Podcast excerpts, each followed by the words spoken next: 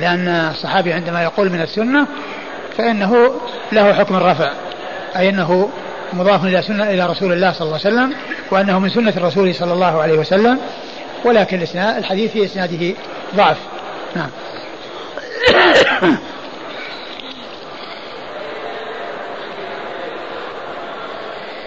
قال حدثنا قتيبة بن سعيد قتيبة بن سعيد بن جميل بن طريف البغلاني ثقة أخرج له أصحاب كتب الستة. عن صفوان بن عيسى. صفوان بن عيسى هو ثقة أخرج البخاري تعليقا ومسلم وأصحاب السنن. ثقة أخرجه البخاري تعليقا ومسلم وأصحاب السنن. عن عبد الله بن هارون. عن عبد الله بن هارون وهو مقبول أخرج له. البخاري في الأدب المفرد وأبو داود. البخاري في الأدب المفرد وأبو داود.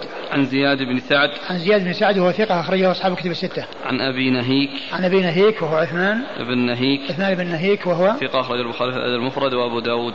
ثقة أخرجه البخاري في الأدب المفرد وأبو داود. عن ابن عباس عبد الله بن عباس بن عبد المطلب بن عم النبي صلى الله عليه وسلم وأحد العبادلة الأربعة من الصحابة وأحد السبعة المعروفين بكثرة الحديث عن النبي صلى الله عليه وسلم.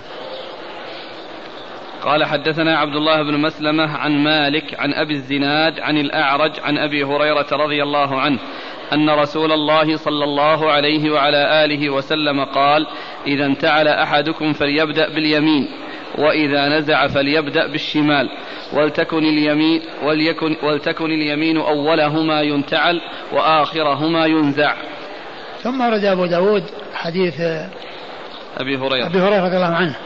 قال صلى الله عليه وسلم إذا انتعل أحدكم فليبدأ باليمين ولتكن وإذا نزع وإذا نزع فلي فلينزع فليبدأ بالشمال. نعم. وإذا نزع فليبدأ بالشمال ولتكن اليمنى أولهما تنتعل وآخرهما تنزع. آه، آه، هدي رسول الله صلى الله عليه وسلم أنه يبدأ باليمين في آه، في جميع الأمور التي هي يعني محل تكريم. وأنه تستعمل الشمال في الأمور التي بخلاف ذلك. فيبدأ باليمين في اللبس. يكون الإنسان عندما يلبس النعلين أو يلبس الثوب وكذلك عند دخول المسجد وكذلك يعني في يعني في جميع الأمور آه، التي آه، من شأنها التكريم فإنه يبدأ باليمين واليمنى هي التي تكرم. ولهذا كان نصيبها في التكريم أنها أنها يبدأ بها وأنها آخر ما ينزع عند النزع فهي أول ما يبدأ به عند اللبس وآخر ما ينزع لأنه يبدأ باليسرى ثم تنزع اليمنى بعد ذلك. فيكون نصيبها نصيبها من من اللبس ومن التكريم أوفر من اليسرى لأنه بدأ بها قبل اليسرى وأيضا ختم بها. فصارت اليسرى أقل منها حظا وأقل منها شأنا في ذلك لأن تلك زادت عليها بالبداية وزادت عليها في النهاية. وكذلك أيضا في دخول المسجد والخروج منه فإن الرجل تكرم بأن يبدأ دخولها في المسجد ثم أيضا تكرم بأن تكون اليسرى هي التي تخرج أولا وتبقى اليمنى فيكون نصيبها أكثر من آه، آه، آه، الوصول إلى المسجد والمكث في المسجد. نعم.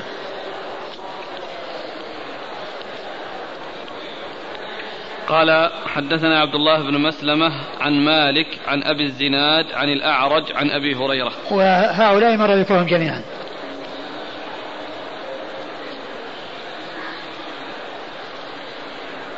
يقول هل يدخل في الحديث الذي فيه الابتداء باليمين والخلع يكون بالشمال أولا؟ في لبس الخف وعند إرادة الوضوء المسح على الخفين. نعم الخف هي التي تدخل أولا. يعني مثل النعل يعني تبدأ يبدأ بالخف ثم اليمنى ثم اليسرى. يبدأ الإنسان بالرجل اليمنى فيلبسها الخف أو النعل وكذلك عند الخلع يبدأ بال يعني باليسرى وتكون اليمنى هي الآخر يعني في الخف وفي النعل كله على حد سواء. قال حدثنا حفص بن عمر ومسلم بن إبراهيم قال حدثنا شعبة عن الأشعث بن سليم عن أبيه عن مسروق عن عائشة رضي الله عنها أنها قالت كان رسول الله صلى الله عليه وعلى آله وسلم يحب التيمن ما استطاع في شأنه كله في طهوره وترجله ونعله. قال مسلم وسواكه ولم يذكر في شأنه كله. قال أبو داود رواه عن شعبة معاذ ولم يذكر سواكه. ثم ورد أبو داود حديث عائشة رضي الله عنها أن النبي صلى الله عليه وسلم كان يعجبه. كان الرسول صلى الله عليه وسلم يحب التيمم كان يحب التيمم ما استطاع في شأنه كله. ما استطاع في شأنه كله. يعني في الأمور التي هي تحتاج إلى تكريم. يعني بحيث يعني يبدأ بالشق الأيمن. يعني إذا إذا إذا جاء الترجل وكذلك عند يعني عند لبس النعل. يعني يبدأ باليمنى وكذلك لبس الثوب يبدأ باليد اليمنى. وهكذا في شأنه كله. يعني آه يعني الذي هو آه محل تكريم أو الذي يحتاج إلى تكريم أو الأمور التي تحتاج إلى تكريم فإنه يبدأ باليمين وكذلك في الوضوء يبدأ باليمين. يعني في الوضوء وفي الترجل وفي النعل نعم وفي السواك نعم.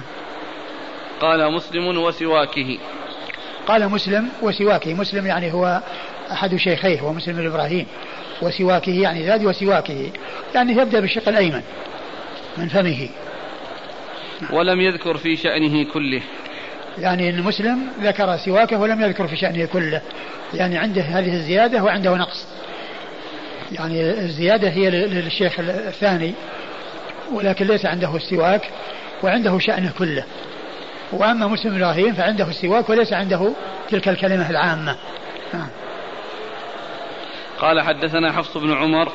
حفص بن عمر و و و و وذكر أيضا أن أن يعني هذه الزيادة التي زادها مسلم بن إبراهيم أنها ما زادها الشيخ الشيخ الثاني من هو؟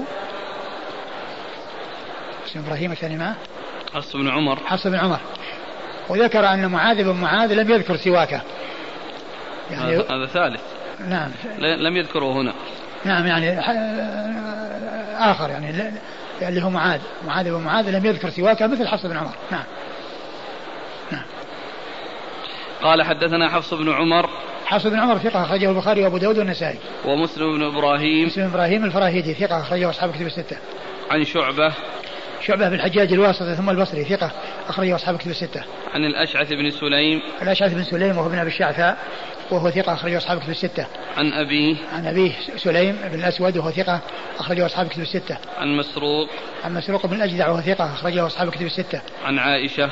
عن عائشة أم المؤمنين رضي الله عنها وأرضاها صديقة بن الصديق وهي واحدة من سبعة أشخاص عرفوا بكثرة الحديث عن النبي صلى الله عليه وسلم قال أبو داود رواه عن شعبة معاذ ولم يذكر سواكه قال أبو داود رواه عن شعبة معاذ يعني ولم يذكر سواكه يعني كما فعل حفص بن عمر شيخه الأول. كما؟ يعني كما ذكر عن شيخ حفص بن عمر.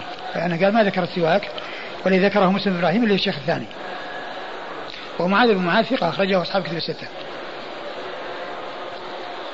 يقول أخ ألا يحمل وسواكه على أنه يستاك بيمينه؟ الذي يظهر أن المقصود به التيمم. لأن قال يعني يعجبه التيمم في كذا. يعني معناه البداءة لأن هذه الأمور التي ذكرت هي بداءة. يعني يبدأ بالشق الأيمن. يعني في نعله وفي طهوره وفي كذا وفي سواكه ويكون هذا هو معناه والله أعلم.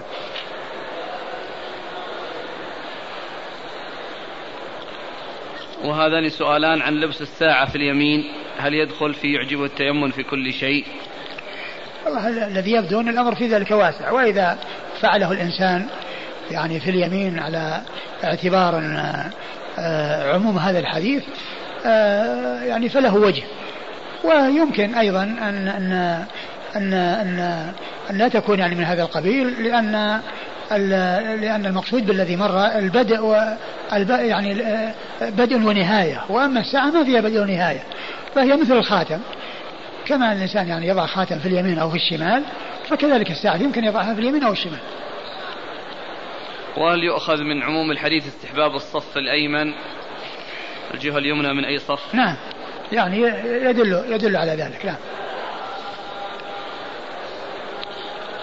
قال حدثنا النفيلي قال حدثنا زهير قال حدثنا الأعمش عن أبي صالح عن أبي هريرة رضي الله عنه. قال قال رسول الله صلى الله عليه وعلى آله وسلم إذا لبستم وإذا توضأتم فابدأوا بأيمانكم. ثم رد أبو داود حديث أبي هريرة. نعم. قال إذا لبستم وإذا إذا لبستم وإذا توضأتم فابدأوا بأيمانكم. إذا لبستم يعني ثيابا أو نعالا فابدأوا بأيمانكم. وإذا توضأتم فابدأوا بأيمانكم. يعني كونه يعني يبدأ باليد اليمنى ثم اليسرى الرجل اليمنى ثم الرجل اليسرى وهكذا. فإنه يبدأ باليمين. والبدء باليمين ليس بواجب. فيما يتعلق بالوضوء بل هو مستحب.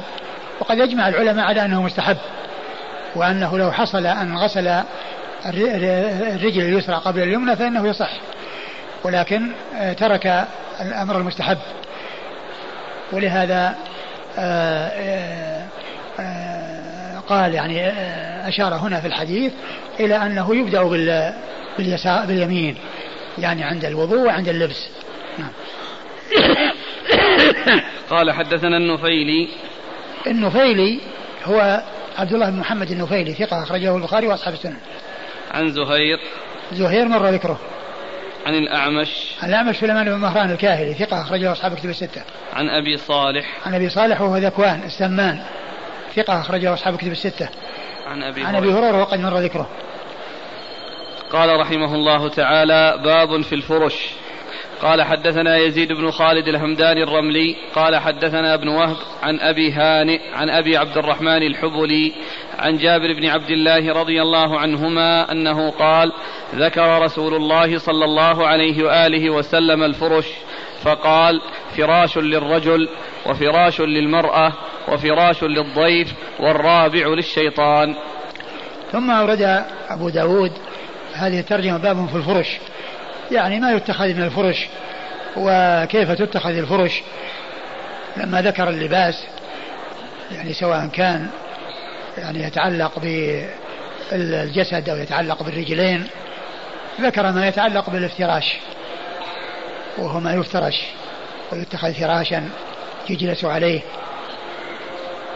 أورد أبو داود حديث جابر. جابر بن عبد الله الأنصاري رضي الله تعالى عنهما أن النبي صلى الله عليه وسلم ذكر الفرش فقال فراش للرجل وفراش للمرأة. وفراش للمرأة وفراش للضيف و والرابع للشيطان. والرابع للشيطان.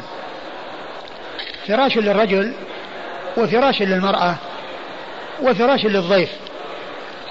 يعني آه، الضيف الذي يأتي الإنسان. وهذا على حسب عادة الإنسان. إذا كان الإنسان من عادته أنه كثير الضيفان وأنه يأتي الضيوف فهو يعني آه، يعدد الفرش من أجل الضيفان. وأما إذا كانوا قليلين أو أنه يعني نادر أو قليل أنه يأتيه الضيف فإنه يضع على قدره. والمقصود من ذلك أنه لا يوضع شيء للمباهاة ولغير الحاجة إليه. وأما إذا كانت الحاجة إليه موجودة فإن ذلك سائغ. ومعلوم أن الضيف يطلق على الواحد وعلى الأكثر. يطلق على الواحد وعلى الأكثر. فإذا المقصود بالضيف ما يحتاج إليه الضيف سواء كان واحدا أو أكثر وهذا على حسب عادة الإنسان. فإذا كان من عادته أن كثير الضيوف فهو يعدد الفرش انتظارا للضيوف وإذا كان ليس كذلك فإنه يكون عنده زيادة آه، واحد آه، وهذا فيما إذا كان الرجل يعني مع أهله فقط. أما إذا كان البيت مكون من أفراد فكل له فراش. إذا كان له فيها أفراد متعددين فإن كل له فراش. ولكن المقصود من ذلك هو ألا يتخذ شيء من أجل المباهاة ومن أجل عدم الحاجة وأن الفرش تبقى مدة طويلة لا يستفاد منها لعدم الحاجة إليها. أما مع الحاجة فإنه لا بأس بذلك. أما مع الحاجة فإنه لا بأس بذلك. وقوله للشيطان قيل يحتمل أن يكون أن هذا أنه إذا كان المباهاة فهو فهو من مما يريده الشيطان ومما يحبه الشيطان وقيل إنه يتخذه فراشا بمعنى أنه يفترشه وأنه يعني يكون فيه يكون استعماله إياه. لكن كما عرفنا أنه قد جاء في الحديث أن الإنسان إذا دخل وذكر الله عز وجل فإن الشيطان يقول لأصحابه ولأتباعه إذا لم يذكر الله عز وجل أدركتم المبيت. أدركتم المبيت يعني معناه أنهم يدخل يدخلون ويبيتون. وأما إذا حصل فإنهم لا يدخلون. نعم. نعم. قال حدثنا يزيد بن خالد الهمداني الرملي يزيد بن خالد الهمداني الرملي ثقة. أخرج له أبو داود والنسائي بن ماجه. أبو داود والنسائي بن ماجه. عن ابن وهب ابن وهب عبد الله بن وهب ثقة أخرجه أصحاب كتب الستة. عن أبي هانئ. عن أبي هانئ حميد بن هانئ وهو ثقة. لا بأس به. وهو لا بأس به بمعنى صدوق أخرجه أصحاب. البخاري في المفرد ومسلم. البخاري في المفرد ومسلم وأصحاب السنن. عن أبي عبد الرحمن الحبلي. عن أبي عبد الرحمن الحبلي وهو عبد الله بن يزيد ثقة أخرجه البخاري في المفرد ومسلم عبد الله بن يزيد ثقة أخرجه البخاري في المفرد ومسلم وأصحاب السنن. عن جابر بن عبد الله. جابر بن عبد الله رضي الله تعالى عنه وقد مر ذكره. قول الخطابي فيه دليل على أن المستحب في أدب السنة أن يبيت الرجل على فراش وزوجته على فراش آخر. ولو كان المستحب لهما أن يبيتا معا على فراش واحد لكان لا يرخص له في اتخاذه فراشين لنفسه ولزوجته. وهو إنما الذي يبدو الذي يبدو أنه لا بأس بأن يتخذ الفراش الواحد لهما جميعا. ولكن يعني كونه يصير لها فراش وله فراش يمكن أن ينفرد به كل واحد منهما يعني إذا حصل المرض أو كانت يعني آآ آآ تكون مستقلة في فراشها يعني فيكون تستقل. وأما إذا جمع بينهم في فراش واحد وفي لحاف واحد فإن ذلك لا بأس به. قال حدثنا أحمد بن حنبل قال حدثنا وكيع قال حاء وحدثنا عبد الله بن الجراح. عن وكيع عن إسرائيل عن سماك عن جابر بن سمرة رضي الله عنهما أنه قال دخلت على النبي صلى الله عليه وعلى آله وسلم في بيته فرأيته متكئا على وسادة زاد بن الجراح على يساره. ثم أورد أبو داود حديث جابر بن سمرة رضي الله تعالى عنهما قال دخلت على الرسول صلى الله عليه وسلم فرأيته متكئا على وسادة. فرأيته متكئا على وسادة. يعني الوسادة قيل هي الفراش. لأنها يعني تطلق على الفراش الذي يفترشه الإنسان وينام عليه وتطلق أيضا على ما يجعله تحت رأسه. وتطلق أيضا على ما يجعله تحت رأسه. كل ذلك يقال له وسادة. فقال رأيته رأيته متكئا على وسادة. متكئا يعني مفترشا ومعتمدا يعني على وسادة يعني المقصود ذلك الفراش. لأنه يعني ال ال جاء في بعض الأحاديث أنه عندما إذا الإنسان إكرام يعني يضع وسادة تحته يعني فراش. لكن زاد ابن الجراح على يساره. زاد ابن الجراح على يساره. يعني أنه معتمد على يساره.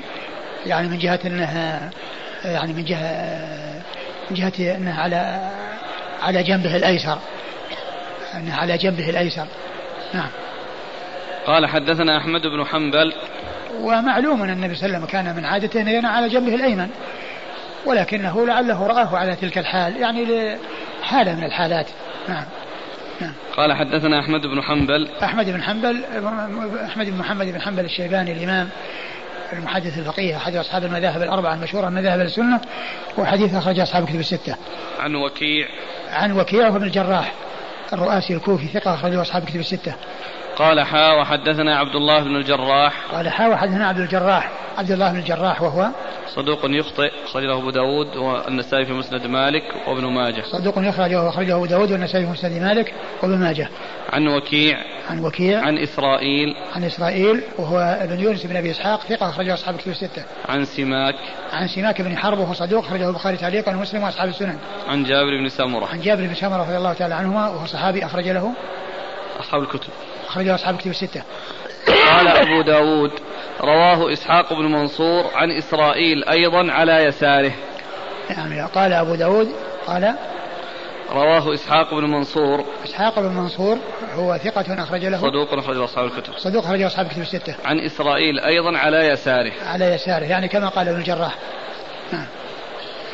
قال حدثنا هناد بن السري عن وكيع عن إسحاق بن سعيد بن عمرو القرشي عن أبيه عن ابن عمر رضي الله عنه أنه رأى رفقة من أهل اليمن رحالهم الأدم فقال من أحب أن ينظر إلى أشبه رفقة كانوا بأصحاب رسول الله صلى الله عليه وآله وسلم فلينظر إلى هؤلاء. نرى أبو داود حديث ابن عمر رضي الله تعالى عنهما أنه رأى رفقة يعني جماعة من أهل اليمن على يعني دوابهم ويعني وفي رحالهم الأدم. الأدم يعني أنه آه، الوطاء. الأدم المقصود به الجلد. الأدم جمع أديم والمقصود به الوطاء الذي يكون من جلد يعني يكون على الرحل يرتفقون به. فقال من?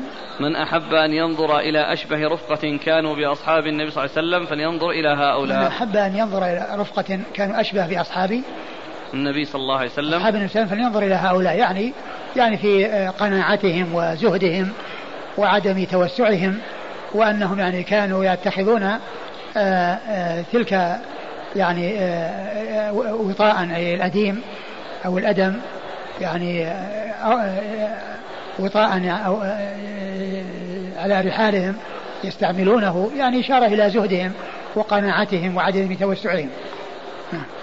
قال حدثنا هناد بن السري هناد بن السري أبو السري ثقة أخرجه البخاري في خلق أفعال العباد ومسلم وأصحاب السنن. عن وكيع عن وكيع مر ذكره. عن إسحاق بن سعيد بن عمرو القرشي. عن إسحاق بن عمرو بن إسحاق بن سعيد إسحاق بن سعيد بن عمرو القرشي القرشي وهو ثقة أخرج البخاري ومسلم وأبو داود بن ماجه. ثقة أخرج البخاري ومسلم وأبو داود بن ماجه. عن أبيه عن أبيه وهو ثقة أخرج أصحاب الكتب إلا الترمذي. أخرج أصحاب الكتب الستة إلا الترمذي. عن ابن عمر عن ابن عمر عبد الله بن عمر بن الخطاب رضي الله تعالى عنهما الصحابي الجليل وأحد العباد الأربعة من الصحابة وأحد السبعة المعروفين بكثرة الحديث عن النبي صلى الله عليه وسلم. قال حدثنا ابن السرح قال حدثنا سفيان عن ابن المنكدر عن جابر رضي الله عنه أنه قال قال لي رسول الله صلى الله عليه وعلى آله وسلم أتخذتم أنماطا؟ قلت وأنى لنا الأنماط. قال أما إنها ستكون لكم أنماط. ثم ورد أبو داود حديث جابر رضي الله تعالى عنهما أن قال أنه قال قال لي رسول أتخذتم أنماطا. والأنماط قيل هي الفرش التي تكون على أوطية تكون على الفرش. تكون على الفرش يعني فوق الفراش. يعني فهي زيادة. تكون على الفراش يرتفق بها ويستفاد منها. فقال وهل قال أتخذتم أنماطا؟ قلت وأنى لنا الأنماط. وأنى لنا الأنماط يعني من أين لنا؟ فقال إنها ستكون لكم. يعني أنه ستفتح عليهم الدنيا وأنه سيحصل التوسع وأنهم ستحصل لهم هذه الأنماط وهي أنهم يعني يضيفون إلى فرشهم التي كانوا يستعملونها آه، ما يضعونه فوقها. ما يضعونه فوقها زيادة في الارتفاق. نعم. قال حدثنا ابن الصرح. و وقد وقع ما أخبر به الرسول صلى الله عليه وسلم. وهذا من علامات نبوته ومن دلائل نبوته فإن الأمر وقع كما أخبر به الصادق المصدوق فإن آه، آه، آه، الجهاد في سبيل الله يعني حصل بسببه الغنائم وفتحت الفتوحات وكثرت الخيرات فصاروا يستعملون ذلك. وهو لا يدل على منعه يعني يعني يعني يدل على جوازه. يعني كونه يعني يتخذ مثل ذلك سائغ ولكنهم كانوا يعني في قلة وفي حالة شديدة وبعد ذلك أوسع الله عز وجل عليهم. فلا بأس بأن يستعملوا ذلك وأن يحصل لهم ذلك لأن لأن آه، الحديث لا يدل على المنع. نعم. قال حدثنا ابن الصرح. ابن السرح هو أحمد بن عمرو بن السرح وهو صدوق أخرج له. ثقة. وهو ثقة أخرج له. مسلم وأبو داود مسلم وأبو داود والنسائي وابن ماجه. عن سفيان عن سفيان بن عيينة ثقة أخرجه أصحاب الكتب الستة. عن ابن المنكدر. عن المنكدر ومحمد المنكدر ثقة أخرجه أصحاب الكتب الستة. عن جابر. عن جابر رضي الله تعالى عنهما وهذا الإسناد من الرباعيات التي هي من أعلى الأسانيد عند أبي داود والله تعالى أعلم وصلى الله وسلم وبارك على عبده ورسوله نبينا محمد وعلى آله وأصحابه أجمعين. جزاكم الله خيرا وبارك الله فيكم وشفاكم الله ونفعنا الله بما قلتم.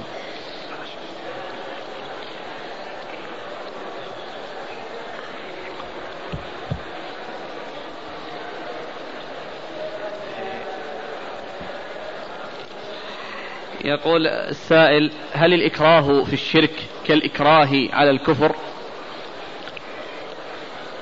أقول لا فرق أقول لا فرق بين هذا وهذا. كل إنسان يعني يكره إلى أن يعني يقول شيئا ويتكلم بشيء يعني سواء كان شركا أو كفرا. وكما هو معلوم الكفر هو أوسع وأعم من الشرك لأن آه، الكفر يشمل الشرك وغيره. والشرك هو داخل في الكفر. فهو أخص والكفر أعم ما حكم تكرار السورة في صلاة واحدة؟ لا بأس بذلك. لا بأس بذلك. لا بأس بتكرار السورة في صلاة واحدة. وقد سبق أن مر بنا في سنن أبي داود إن أنه كرر إذا زلزلت الركعتين. ما حكم الصلاة في الصفوف المقطوعة؟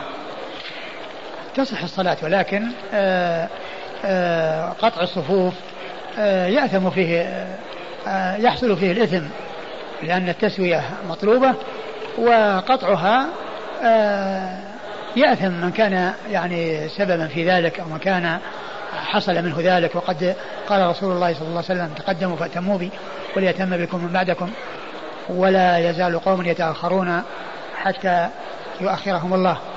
ومما يدل على قضية تكرار السورة قصة الرجل الذي كان يقرأ بقول هو الله واحد ويكررها مع السورة التي يقرأها. نعم.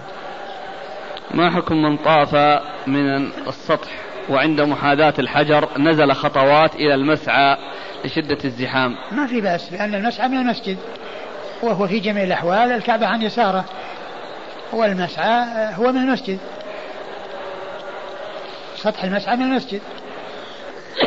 وما حكم من طاف ثلاثة أشواط من الدور الثاني وأكمل الباقي في الصحن أو العكس؟ لا بأس بذلك. لا بأس بذلك. يعني كونه يعني يطوف في في الأسفل ويجد الزحام شديد ثم ينتقل لكنه يبدأ من كل واحد في كل شوط يبدأ من الحجر.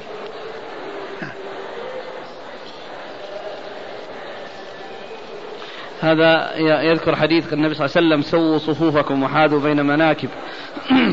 قال يا حبذا لو يكلم المسؤول عن المسجد النبوي أن يعملوا خطوط لتنظيم الصفوف فما رأيكم؟ ما يحتاج الأمر إلى خطوط وإنما ال ال الصفو الناس يصفون بدون خطوط وكل ينظر إلى من بجواره إلى جهة الإمام. فإذا كان الإمام من جهة اليمين فكل واحد ينظر إلى جهة اليمين وإذا كان من جهة اليسار ينظر إلى جاره من جهة اليسار وتسوى الصفوف. من أتى امرأته في دبرها في نهاية رمضان هل يعتبر عليه القضاء كما لو أتاها في قبلها وكفارة؟ لا شك أن القضاء يعني لازم له حتى لو حصل أنه حصل منه قضاء الشهوة بغير جماع. إذا فعل منه أنه أفطر بإنزال المني يعني باختياره وبتعمده وبتسببه فإنه فإنه عليه القضاء. القضاء لازم له. و وفيما يتعلق بالكفارة آه، الكفارة هي وقعت في الجماع. لكن ما أدري يعني إيش الحكم بالنسبة لهذا العمل المحرم. فيما يتعلق بالكفارة ما أذكر لكنه من ناحية القضاء لا بد منه لأنه لو لو حصل آه، قضاء الشهوة بدون جماع بدون ما يحصل جماع وبدون ما يحصل علاج و... وإنما حصل بتسببه وفعله وأنه قضى شهوته فإنه يقضي بدل ذلك اليوم من أمره والده أن يغسل له كفنه بماء زمزم هل يفعل؟ لا بأس لا بأس بذلك. لكن يعني كون الناس يعني يتخذونه طريقة بمعنى أن أنها آه آه كأنه مستحب وأنه سنة لا نعلم شيء لا, لا, لا نعلم شيء يدل عليه. ولو آه أقنع والده وقال له إن أن العبرة هو بالأعمال الصالحة وأن آه هذا يعني لم يؤثر وإن حصل أنه غسله لا بأس بذلك. هل يمكنني أن أبيع السلع التي أشتريها بأن أزيد على ثمنها أكثر من نصف الثمن بضعفي الثمن مثلا؟ أم أن ذلك يعتبر ربا؟ ما يقال له ربا لكن يعني هل آه، كون الإنسان يعني يزيد في الأسعار زيادة يعني آه، فاحشة بحيث يعني يكون هذا في غرر ويكون في غبن للناس وإذا كان أنه يعني آه، باعها في بلد آخر وكانت الأسعار في ذلك البلد مرتفعة وهذا سعرها ولو كانت إنها بأضعاف مضاعفة لا بأس بذلك. وأما كونه في نفس البلد الذي فيه آه، السعر فإنه آه، يمكن أن يكون ذلك من باب الغبن بأن يعني الإنسان يعني يبيعه بشيء بسعر زائد كثير ويربح كثيرا فيكون ذلك من الغبن. أما إذا كان في بلد آخر والسعر هو نفس السعر الذي باعه وقريب منه لا بأس به. عندنا في البلد إذا حملوا الجنازة فإنهم جميعا يقولون بصوت واحد لا إله إلا الله محمد رسول الله إلى أن يصلوا إلى القبر. وإذا بدأوا بدفنها قالوا بصوت واحد إذا ضاق عليك الحال فنادي يا رسول الله. إلى حين الفراغ من دفنها فما, فما الحكم؟ أما ذكر التهليل فلا نعلم له أصلا. وكذلك الكلام الذي ذكر في الآخر يعني كلام قبيح وهذا فيه دعوة إلى الشرك وإلى الاستغاثة بغير الله. يعني إذا ضاقت عليك الحال فقل يا رسول الله. يعني هذا بالإضافة إلى كونه أمر منكر ليس له أساس هو في الحقيقة يعني آه، آه، آه، دعوة إلى الشرك وإظهار للشرك وكل إنسان يستغيث برسول الله صلى الله عليه وسلم. بعض المصلين إذا أراد الدخول في الصلاة وكانت ثيابه أسفل من الكعبين كفها حتى تكون فوق الكعبين فهل هذا العمل صحيح؟ آه آه الواجب هو كونه يكفها دائما بأن يعني يحصل رفعها أو يعني قطعها وأما كونه يفعل ذلك يعني في يعني معنى هذا معناه أنه يعني كأنه يعني رفع ثيابه وكف ثيابه وكف الثياب جاء ما يدل على منعه. كف الثياب جاء ما يدل على منعه. وهذا الكف يجب أن يكون في جميع الأحوال. ما يكون في الصلاة فقط. ما يكون في الصلاة فقط. وإنما عليه أن يفعل ذلك باستمرار. أي أن ثيابه تكون فوق الكعبين. ولا يجوز أن تكون أسفل منهما. لا في الصلاة ولا في غير الصلاة. هل في مكة والمدينة تضاعف فيهما, فيهما السيئات وتعظم فيهما الحسنات؟ الذي ورد بالنسبة للصلاة أنها تضاعف في مكة والمدينة. أما غيرها فلا نعلم. شيء يدل على التضعيف بالعدد ولكن لا شك أن الحسنة في المكان المقدس وفي الزمان المقدس لها شأنها ولها يعني فضلها وكذلك السيئة في المكان المقدس وفي الزمان المقدس لها خطرها. لكن التضعيف بالعدد لا نعلم شيء يدل عليه إلا فيما يتعلق بالصلاة. لا نعلم شيء يتعلق يدل عليه إلا فيما يتعلق بالصلاة. فإنه هو الذي ورد فيها التضعيف في مسجد الرسول صلى الله عليه وسلم وفي المسجد الحرام. والحسنات لا شك أن لها شأن في المكان المقدس والسيئات لها خطر في المكان المقدس. والسيئات آه، معلوم أنها لا تضاعف بأعدادها ولكنها قد آه، تضخم من ناحية الكيفية لا من ناحية الكمية. السيئات لا تضاعف بالأماكن المقدسة في الكمية بمعنى أن السيئة تكون سيئتين أو ثلاث وإنما تضخم وتعظم. وذلك أن السيئة ومعصية الله في الحرم ليست كمعصيته في غير الحرم. من يعصي الله عند الكعبة ليس كمن يعصيه في مكان بعيد عن الكعبة. وهذا نظير ما جاء عن ابن عباس رضي الله عنه في قوله لا صغيرة مع الإصرار. لا صغيرة مع الإصرار ولا كبيرة مع الاستغفار. أن الصغيرة مع الإصرار تضخم حتى تلتحق بالكبائر. يعني ما يتبعها من قلة الاهتمام وقلة المبالاة يجعلها تضخم.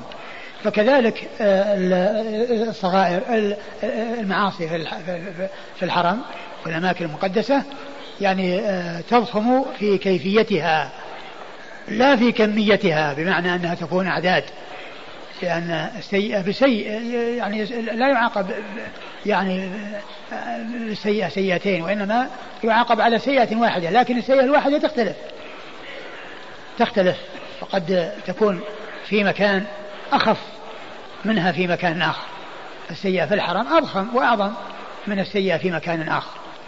والحاصل أن التضعيف بالنسبة للحسنات جاء في الصلاة ويعني بالنسبة للعدد وفي غير ذلك لا نعلم شيء لكن لا شك أن الحسنة في الحرم لها شأنها ولها فضلها والسيئة في الحرم لها خطرها ولها خطورتها. نعم. ما حكم تعليق جلود السباع مثل الذئب والثعلب في البيوت من أجل الزينة أو التداوي بها؟ تعليقها أقول تعليقها واتخاذها. الرسول صلى الله عليه وسلم حرم ذلك وقال إن كما مر بنا في الحديث أنها لا تصحب الملائكة رفقة فيهم آه، آه، جلد نمر فيهم إهاب نمر أو كذا إهاب أو إهاب السباع. حديث مر بنا بالأمس. يعني فهذا إذا كانت الملائكة تبتعد عن الرفقة لأن فيهم يعني ذلك آه، الإهاب الذي هو من جلود السباع فكذلك البيوت لأن آه، كون الملائكة تبتعد عنهم وهم مسافرون لأن فيهم أو معهم ذلك الذي يتخذونه وطاء يجلسون عليه ويستخدمونه فكذلك إذا كان معهم في البيوت نعم.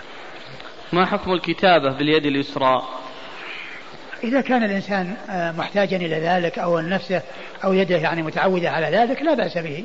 أما إذا كان يستطيع أن يكتب باليمنى فليس له أن يستعمل اليسرى مع قدرته على اليمنى. أما إذا كان لا يستطيع أو أن يده اليمنى هي التي تمكن بها دون اليمنى يده اليسرى تمكن بها دون اليمنى فلا بأس بذلك. بعض الطلاب لما نصح بعدم لبس البنطال قال لبس الثوب فيه تشبه بالنساء. وبدأ يستهزئ بلبس الثوب. آه، الثياب هي لبس الرجال والنساء. أقول هي لبس الرجال والنساء ولكن كل له ثوب يخصه. النساء لها ثياب تخصها والرجال لهم ثياب تخصهم. وأما البنطال فإنما جاء من من الكفار وجاء للناس من غيرهم جاء المسلمين من غيرهم.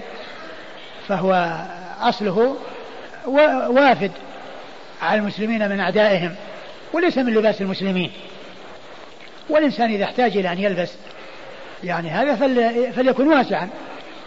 إذا كان يعني في بلد يحتاجون يحتاج إلى أن يلبس مثل ذلك فليكن واسعا. ما يكون يعني بذلك الهيئة التي هي على قدر الجسم وتصف الأعضاء والأحجام. من هم بنو هاشم وبنو المطلب الذين لا تجوز لهم الصدقة؟ بنو هاشم هم أولاد هاشم آه، ابن عبد مناف ابن قصي بن كلاب. وهاشم نسله محصور في عبد المطلب لأنه ليس له نسل من غير عبد المطلب. فإذا آه الذين لا تحل لهم الصدقة هم آه آه, آه، يعني نسل عبد المطلب ابن هاشم. والذين لا تحل لهم الصدقة هم زوجات الرسول صلى الله عليه وسلم وذريته وكل مسلم ومسلمة من نسل عبد المطلب. وكل مسلم ومسلمة من نسل عبد المطلب. هؤلاء هم الذين لا تحل لهم الصدقة. زوجات الرسول صلى الله عليه وسلم وذريته وكل مسلم ومسلمة من نسل عبد المطلب. وعبد المطلب آه، نسل هاشم محصور في نسل عبد المطلب. لأن نسل هاشم آه، محصورون في نسل عبد المطلب لأنه ليس له آه، نسل من غير جهة ابنه عبد المطلب. وهاشم هو الرسول هو محمد بن عبد الله بن عبد المطلب ابن هاشم. إذا هم بس بنو المطلب؟ بنو المطلب نعم. يعني زوجاته وذريته وكل مسلم ومسلمة من نسل عبد المطلب. يقول آه، في الحديث اللي مر معنا على استكثروا من النعال يدل على أفضلية النعال فكيف نوفق بينه وبين الحديث أن النبي صلى الله عليه وسلم أمر أن يمشي حافيا أحيانا؟ آه آه كونه يعني كونه يمشي أحيانا يعني ما يدل لا ينافي لأن كونه يعني الإنسان قد يمشي في بعض الأحيان ولكن كونه آه، يستعمل النعال يعني وهذا هو الغالب ولا سيما إذا كان في الأسفار ولا سيما إذا كانت الأرض فيها يعني أشياء مضرة كالشوك وكالزجاج وكالحصى وغير ذلك من الأشياء التي وكذلك الرمضة في وقت الصيف. فالحاصل أن كونه يعني يسوغ للإنسان أنه يعني يحتفي أحيانا لا يدل على لا ينافي ما جاء من أن الإنسان يستكثر من النعال. ولهذا الرسول يعني جاء ذكره في السفر لأنه يعني يستكثر من النعال فإن أحدكم لا يزال راكبا من تعال. ومعلوم أن الناس في السفر يكون راكبين. والذي يكون آه، آه، منتعلا هو مثل الراكب. هل من السنة المشي بدون نعل في مدينة النبي صلى الله عليه وسلم؟ فقد رأيت بعض الناس يفعل ذلك. لا ليس من السنة. الرسول صلى الله عليه وسلم كان يمشي فيها بالنعل. والصحابة كانوا يمشون بالنعال وهم خير الناس وأفضل الناس. ما هو حد من قتل ابنه غضبا؟ هل يقتل الأب بالابن آه، قضية القتل لا يقتص من الوالد من الوالد من الوالد إذا قتل ولده. أقول لا يقتص منه ولكن يعني إذا رؤي يعني يعني من باب التعزير أو ما إلى ذلك فهذا يرجع إلى يعني القاضي والإمام الذي يعني يتولى ذلك. وأما قضية القتل فإنه لا يقتل الوالد لولده. هل يجوز النظر للبنت الصغيرة التي لم تبلغ ويقبل رأسها؟ الصغيرة التي تشتهى لا يجوز النظر إليها. وأما الصغيرة التي لا تشتهى وصغيرة يعني جدا فلا بأس بالنظر إليها. ما حكم استعمال هذه الكراسي التي نراها في الحرم كراسي القرآن لنضع عليها كتبنا وهي وهل هي موقوفة للقرآن فقط؟ وكذلك جعلها وسائد عند النوم كما نراه من كثير من الناس. آه، جعلها وسائد هذا لم توضع من أجله وإنما هي وضعت للمصاحف واستعمالها للكتب هو مثل استعمالها للمصاحف لأن لأن الفائدة في هذا وفي هذا وإن كان الأصل هو استعمالها استعمالها للمصاحف وإذا حصل شح فيها فإن المصاحف أو من يستعملها للمصاحف أولى ممن يستعملها في آه، الكتب. وإذا كان ما هناك شح واحتاج الإنسان إليها وفي سعة لمن يقرأ في الكتب آه، يقرأ من يستعمل المصحف والذي يستعمل الكتب ولا يترتب على ذلك يعني تضييق على من آه، يستعملون المصاحف ومن يقرؤون المصاحف فإنه لا بأس باستعمالها لأن هذا من جنس هذا. إذا جاء الحد... استعمالها للوسادة أو استعمالها للاعتماد وراء الظهر يعني كون الإنسان يجعلها وراء ظهره فهذا يعني شيء ما وضعت له. نعم.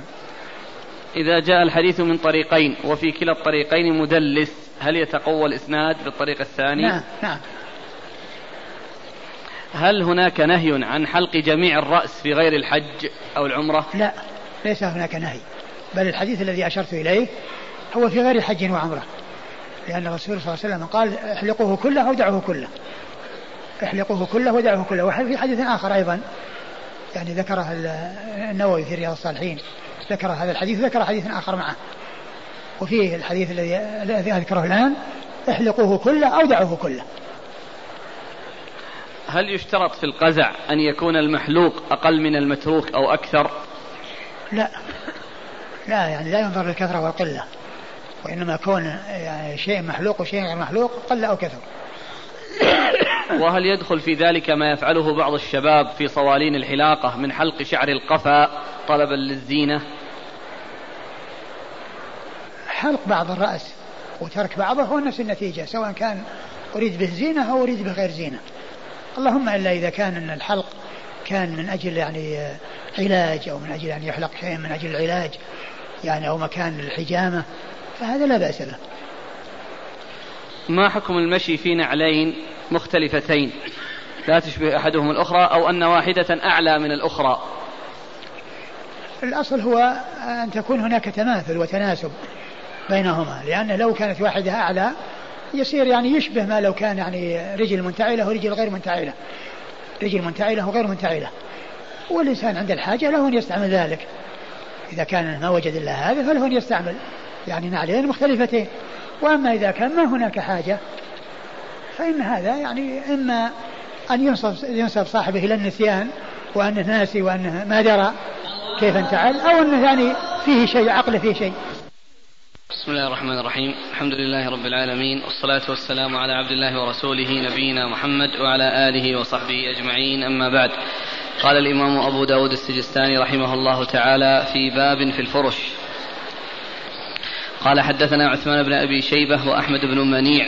قال حدثنا أبو معاوية عن, عن هشام بن عروة عن أبيه عن عائشة رضي الله عنها أنها قالت كانت وسادة رسول الله صلى الله عليه وعلى آله وسلم.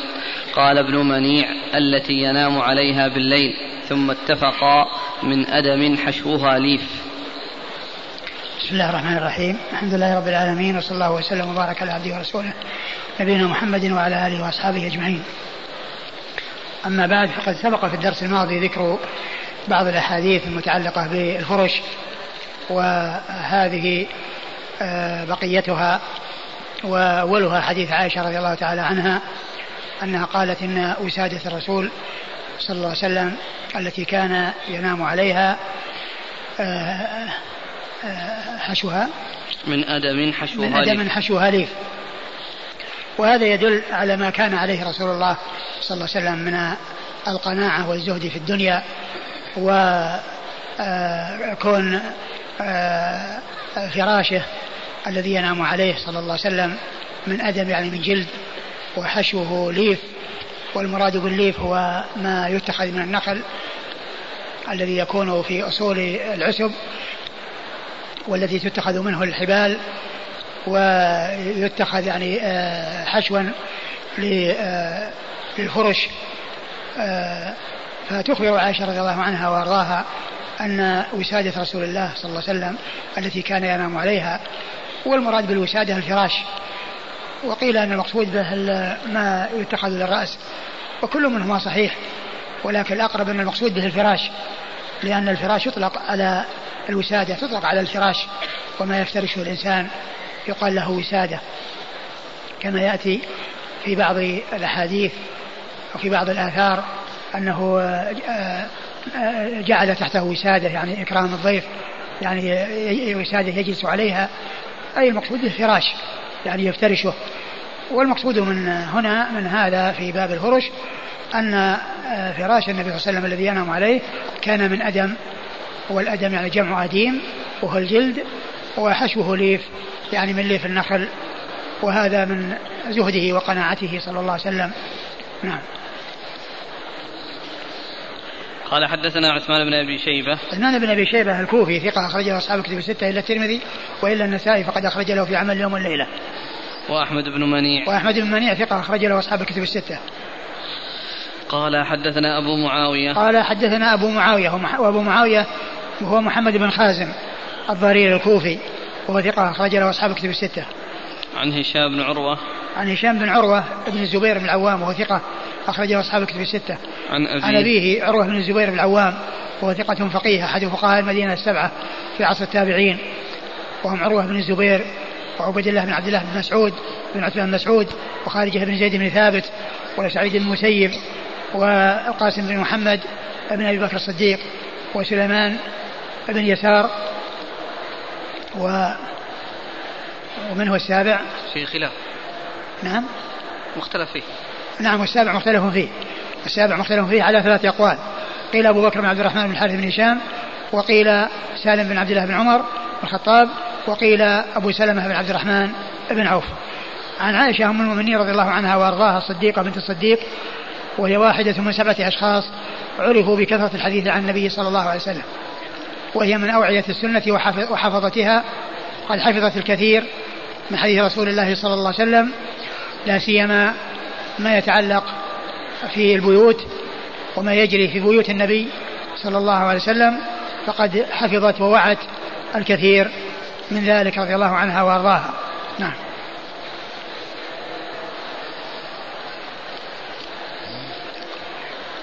قال حدثنا أبو توبة قال حدثنا سليمان يعني بن حيان عن هشام عن أبيه عن عائشة رضي الله عنها أنها قالت كانت ضجعة رسول الله صلى الله عليه وآله وسلم من أدم حشوها ليف.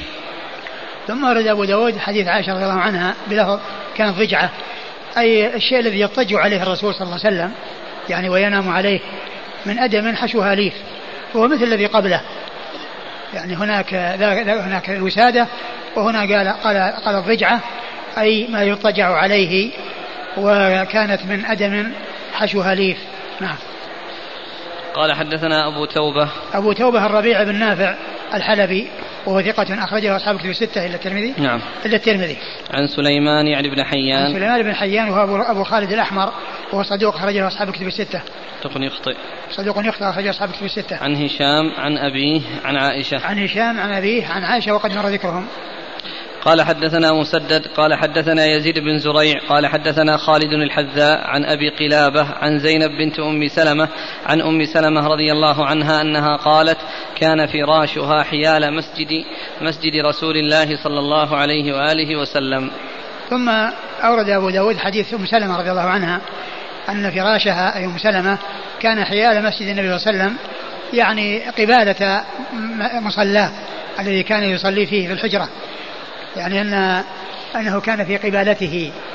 و وهذا من جنس يعني ما سبق أن جاء في حديث عائشة أن الرسول صلى الله عليه وسلم يصلي وهي معترضة في قبلته وأنه إذا آه وكانت البيوت ليس فيها مصابيح وكان إذا سجد غمز إذا أراد يسجد غمزها فكفت رجلها.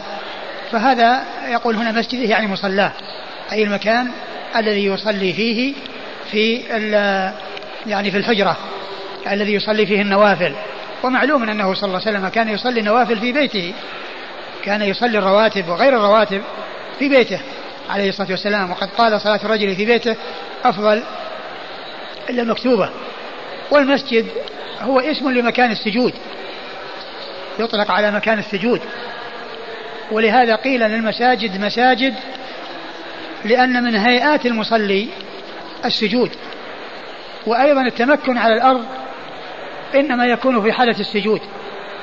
لأن الإنسان في صلاته أحواله أربع لا خامس لها فهو إما قائم والقيام قبل الركوع وبعده وإما راكع وإما ساجد والسجود سجدتان في كل ركعة وإما جالس والجلوس للتشهد والجلوس بين السجدتين والجلوس بين السجدتين. وقيل لأماكن الصلاة مساجد أخذا من أماكن السجود أخذا من أماكن السجود. فلم يقل لها مواقف ولا مراكع ولا مجالس وإنما قيل لها مساجد. أخذا من حالة السجود لأنها الهيئة التي يكون فيها تمكن المصلي من الأرض. لأنه إذا كان ساجدا تكون يداه وركبتاه ووجهه جبهته وأنفه على الأرض بخلاف إذا كان قائما ما فيه إلا رجلاه وكذلك راكعا ما فيه إلا رجلاه. وإذا كان ساجدا إذا كان جالسا يعني ف آه، آه، رجلاه وركبتاه. ولكنه إذا كان ساجدا كل هذه الأشياء تكون آه، يكون فيها السجود لا سيما الوجه الذي هو أشرف أعضاء الإنسان وأشرف ما في جسم الإنسان وفي بدن الإنسان فهو يعفره بالتراب ويضعه على الأرض خضوعا لله سبحانه وتعالى. فالمسجد هو اسم لمكان السجود. ولهذا يقال للركعة سجدة. يقال للركعة سجدة لأن من مما تشتمل عليه الركعة سجدتان في كل ركعة سجدتان نعم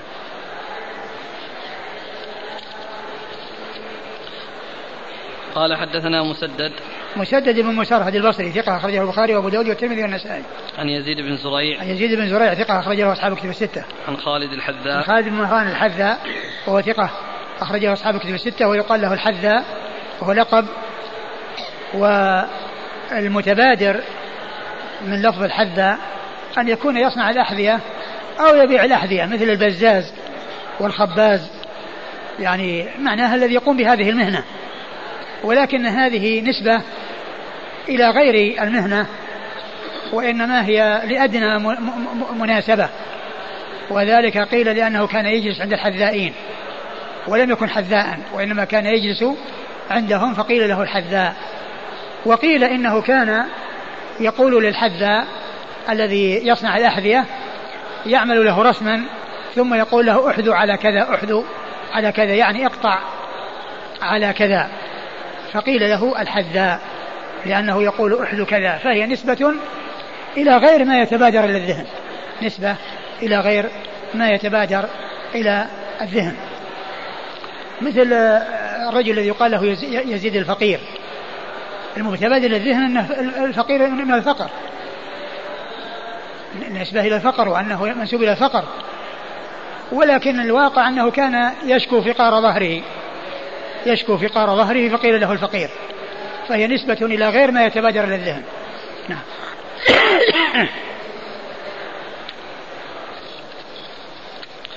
عن أبي قلابة. عن أبي قلابة هو عبد الله بن زيد الجرمي وهو ثقة أخرجه أصحاب كتب الستة.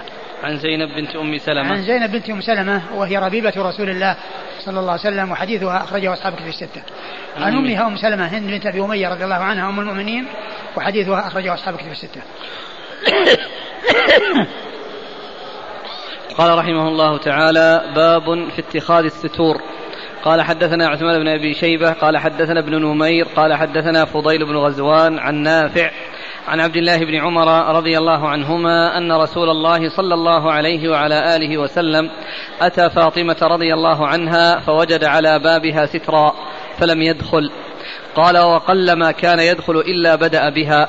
فجاء علي رضي الله عنه فرآها مهتمة. فقال ما لك؟ قالت جاء النبي صلى الله عليه وعلى آله وسلم إلي فلم يدخل. فأتاه علي رضي الله عنه. فقال يا رسول الله إن فاطمة اشتد عليها أنك جئتها فلم تدخل عليها. قال وما أنا والدنيا وأم وما أنا والدنيا وأما وما أنا والرقم. زيادة ألف.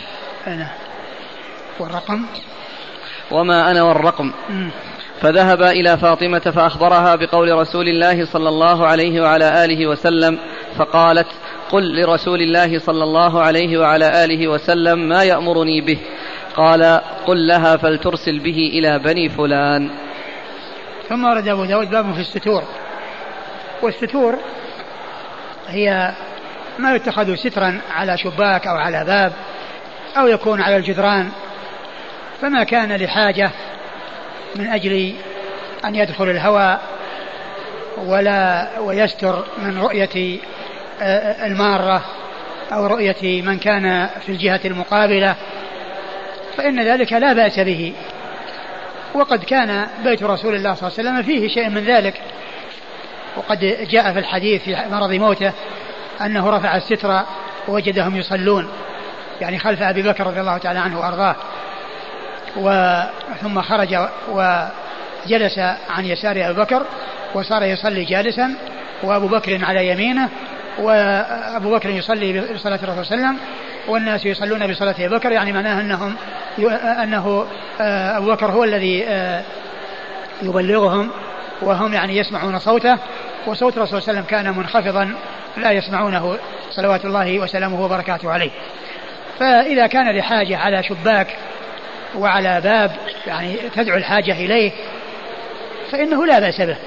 وأما إذا كان لغير حاجة أو كان فيه شيء من الزينة أو شيء فيه من التكلف أو شيء يعني آه، آه، آه، فيه مغالاة وإسراف فإن هذا لا يصلح ولا ينبغي أن يتخذ.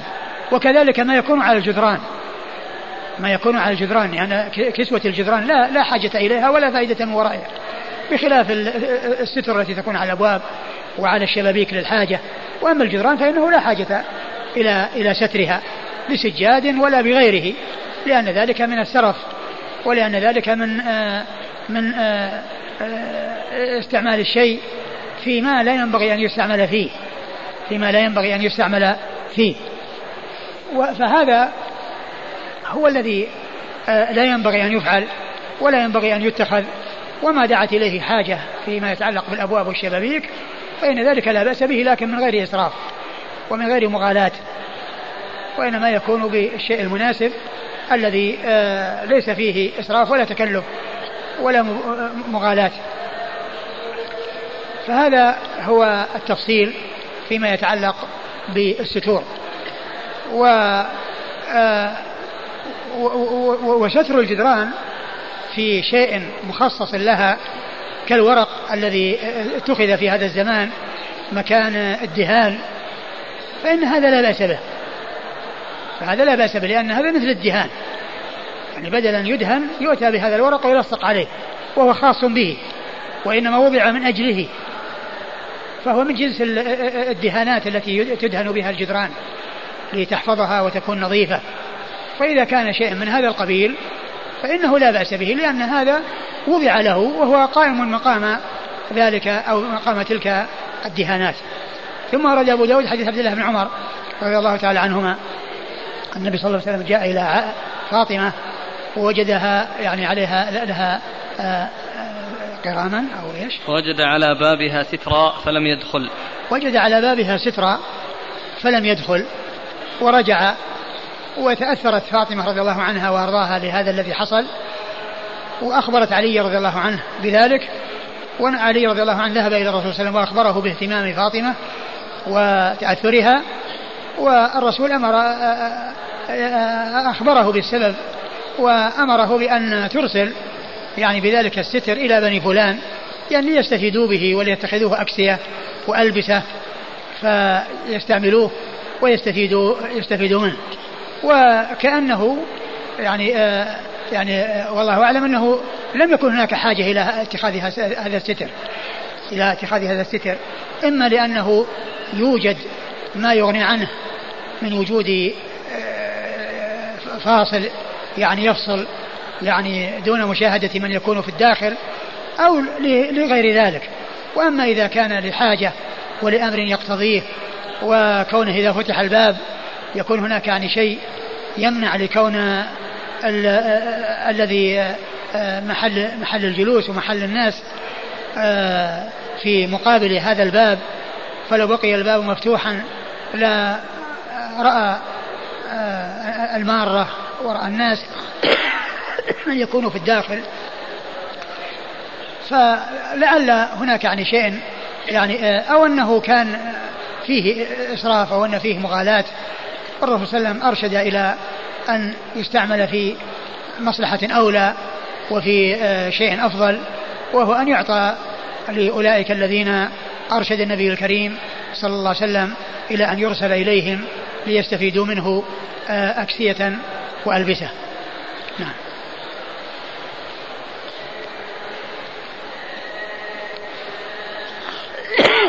قال وما أنا والدنيا وما أنا والرقم.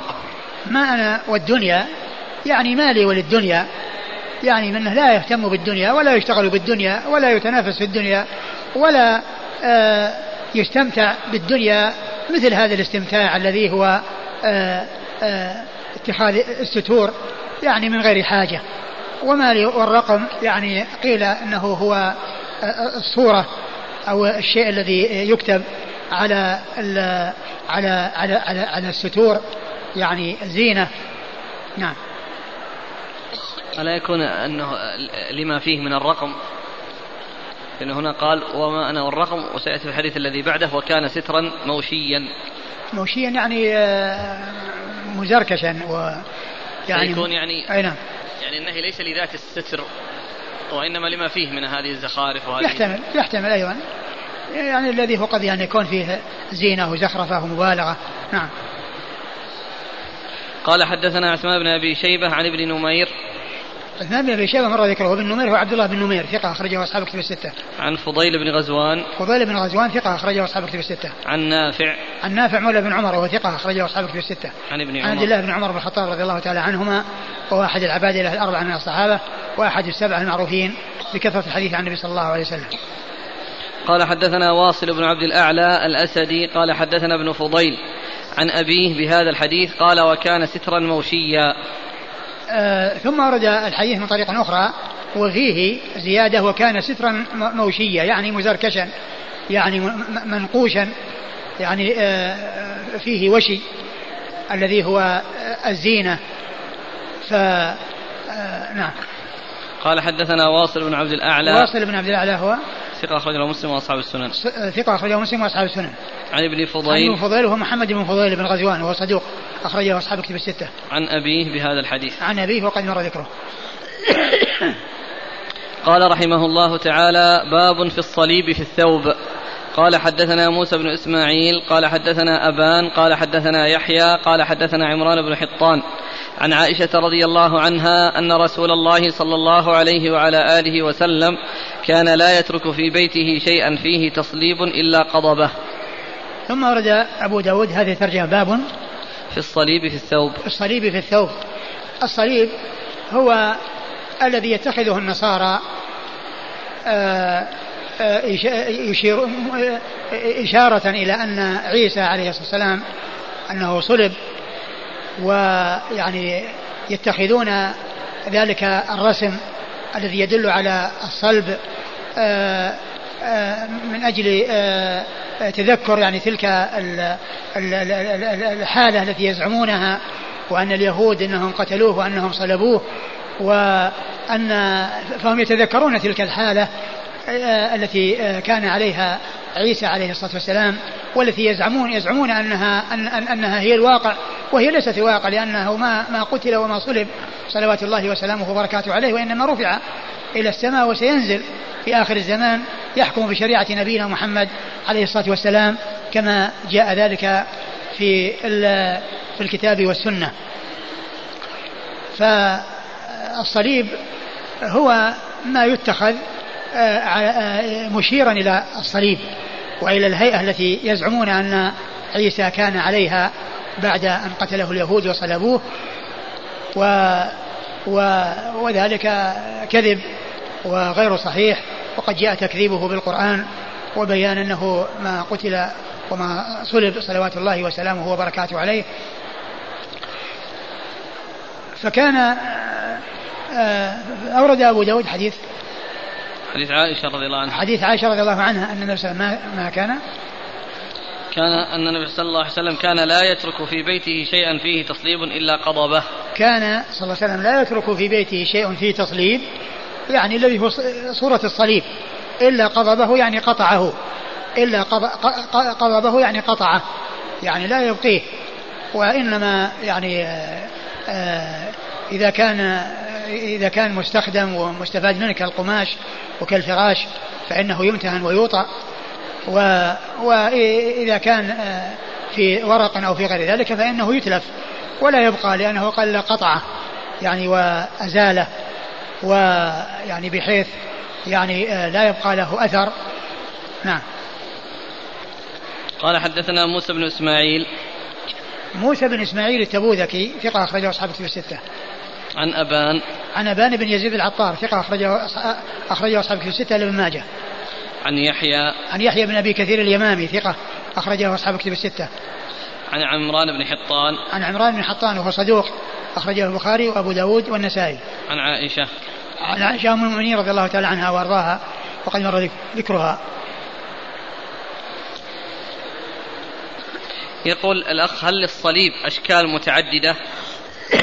يذكر في هذا الزمان أن له أشكال متعددة. ولكن الأصل فيه أنه آه، يكون آه، آه، خطان متقاطعان ولكن الذي يكون أسفل يكون أطول بخلاف الذي الذين يكونان في الجوانب والذي يكون فوق لأنه على هيئة الإنسان.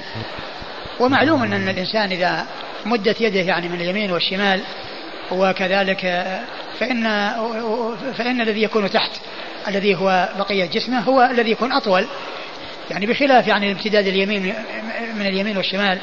وكذلك يعني ما يكون فوق اليدين فإنه يكون قصير الذي هو محل الرأس والرأس وقطع الرأس فهذا هو الأصل فيه لأنه يشير إلى هيئة الإنسان. وفي هذا الزمان يذكرون أن له أشكال عند النصارى. لكن في هذا الزمان يعني آه، صار بعض الناس كل ما يرى يعني خطين متقاطعين قال هذا هو صليب حتى آه، آه، ما يتخذ للدلاء والخشب الذي يكون في الدلو الخشبتين المعترضتين أيضا يقال له صليب. وكذلك علامة علامة زائدا في الحساب وعلامة الضرب في الحساب كل ذلك يقول له صليب. وفي الحقيقة الشيء الذي يعرف بأنه صليب ويظهر بأنه صليب هو الذي يجتنب. ولا يجتنب كل تقاطع يكون يعني بين يعني خطوط آه، مثل كلمة زائدا في الحساب وعلامة الضرب في الحساب. نعم.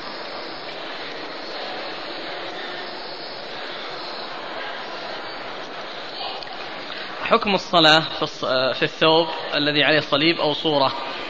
والله لا يجوز لا يجوز أن يصلى فيه. لا يجوز أن يصلى فيه لا في الصور ولا في الصلب ولا في الصلبان. لكن الصلاة صحيحة ولا؟ تصح الصلاة؟ ما أدري لكن يعني كل منهما يعني سيء وكل منهما محذور. والصلب لا شك إنه أشد من الصور. نعم. يقول ما حكم من اتخذ في بيته صليبا أو علقه على جسده؟ هل يكفر بهذا الفعل؟ لا لا يجوز الإنسان أن يتخذ صليبا ولا نعلقه على يعني آه، جسده. وإذا كان الإنسان استحل ما عليه النصارى أو صدق بما عليه النصارى من أن عيسى أنه مصلوب وأن هذا رمز فإن هذا تكذيب لما جاء في القرآن. فإذا كان يعني مستحلا لما عليه النصارى أو مصدقا لما عليه النصارى فإن هذا فيه تكذيب للقرآن. فيكون كفرا إذا كان بهذه الصورة. بالنسبة لإخراج البخاري لعمران بن حطان. نعم عمران بن حطان هو قيل يعني أنه آه، متصف برأي الخوارج وقيل إنه رجع عن ذلك. ولكن آه، البخاري أخرج له في أحاديث قليلة. ما أدري حديث أو حديثين. يعني آه، حديث حديث أو حديثين. حديث يعني في لبس الحرير. وذكر ذلك الحافظ بن حجر في ترجمته في في هذه الساري لمقدمة الفتح. لأن الذين تكلم فيهم من رجال البخاري ترجم لهم في الفتح وأجاب عما يعني أضيف إليهم وعما نسب إليهم. وهنا يقول الحافظ بن حجر وقيل إنه رجع عنه تقريب قيل إنه رجع عن رأي الخوارج. وكذلك أيضا آه، ذكر في مقدمة الفتح أنه روى عنها بأن حديث أو حديثين وأحدهما في لبس الحرير.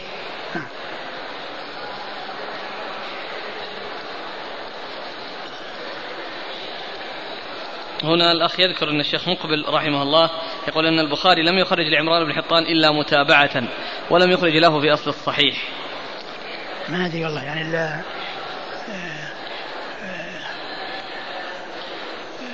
الذي يذكر اللي في المقدمة ما أدري يعني هو هو ذكره في أقول ذكره في إسناد أقول ذكره في إسناد أنا ما أتذكر الآن لكن الذي أذكر أنه ذكره وأنها جاب عنه أنه ما خرج له حديثا أو حديثين.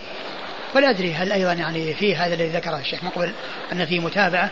أنا بعيد العهد بهذا لكن يمكن يرجع إلى إلى كتاب آه، مقدمة الفتح وينظر. قال رحمه الله تعالى الأحاديث يعني آه، آه، الحافظ بن حجر يعني أحيانا إذا كانت قليلة يذكرها ويشير إليها. وممن يذكر أحاديث المقلين في الصحيحين ابن طاهر المقدسي في كتابه الجمع بين رجال الصحيحين. الجمع بين رجال الصحيحين. فإن الشخص إذا كان مقلا ذكر أنه روى له البخاري في كذا وكذا وروى له مسلم في كذا وكذا. حيث يكون مقلا يشير إلى أماكن الأحاديث من الصحيحين اللي هو كتاب الجمع بين رجال الصحيحين.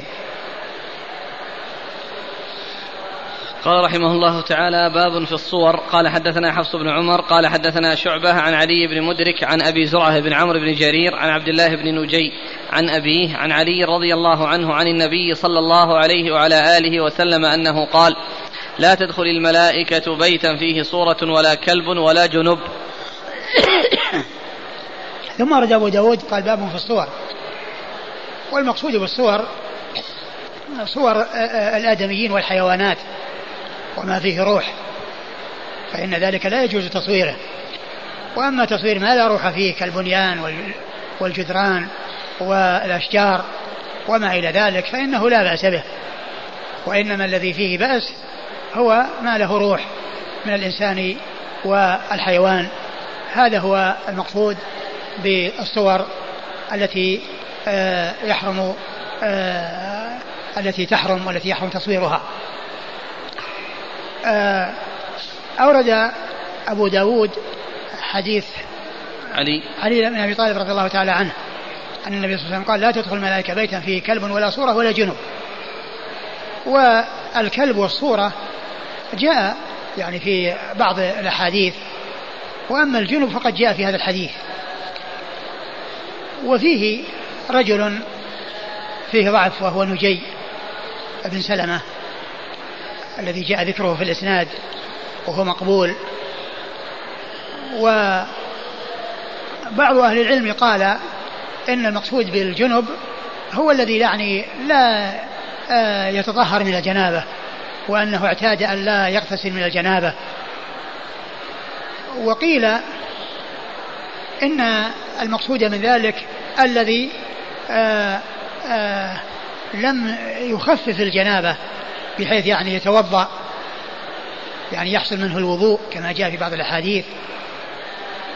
و والحديث يعني فيما يتعلق بذكر الجنب هو هو ضعيف غير ثابت. لأن فيه ذلك الرجل الذي جاء من طريقه وهو نجي ابن سلمة. فإذا وما يتعلق وما يتعلق بالصورة والكلب هذا جاء في بعض الأحاديث يعني له شواهد.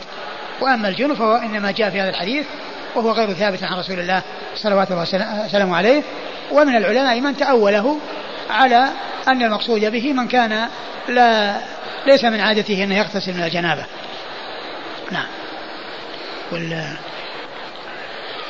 قال إيش؟ عن علي رضي الله عنه عن النبي صلى الله عليه وسلم لا تدخل الملائكة بيتا فيه صورة ولا كلب ولا جنب. يعني صورة ولا كلب ولا جنب الصورة يعني صورة يعني ما له روح. وأما الشيء الذي لا روح فيه مثل الأشجار والبنيان فهذا لا بأس به ولا مانع عنه. نعم. إسناد. قال حدثنا حفص بن عمر. حفص بن عمر ثقة أخرجه البخاري وأبو داود النسائي عن شعبة عن شعبة بالحجاج الواسطي ثم البصري ثقة أخرجه أصحاب الكتب الستة. عن علي بن مدرك. عن علي بن مدرك وهو ثقة أخرجه أصحاب الكتب الستة. عن أبي زرعة بن عمرو بن جرير. عن أبي زرعة بن عمرو بن جرير وهو ثقة أخرجه أصحاب الكتب الستة. عن عبد الله بن نجي. عن عبد الله بن نجي وهو صدوق أخرج له. أبو داود النسائي بن ماجه. أبو داود النسائي بن ماجه. عن أبيه نجي وهو مقبول أخرجه أبو داود النسائي بن ماجه. نعم. نعم. عن علي.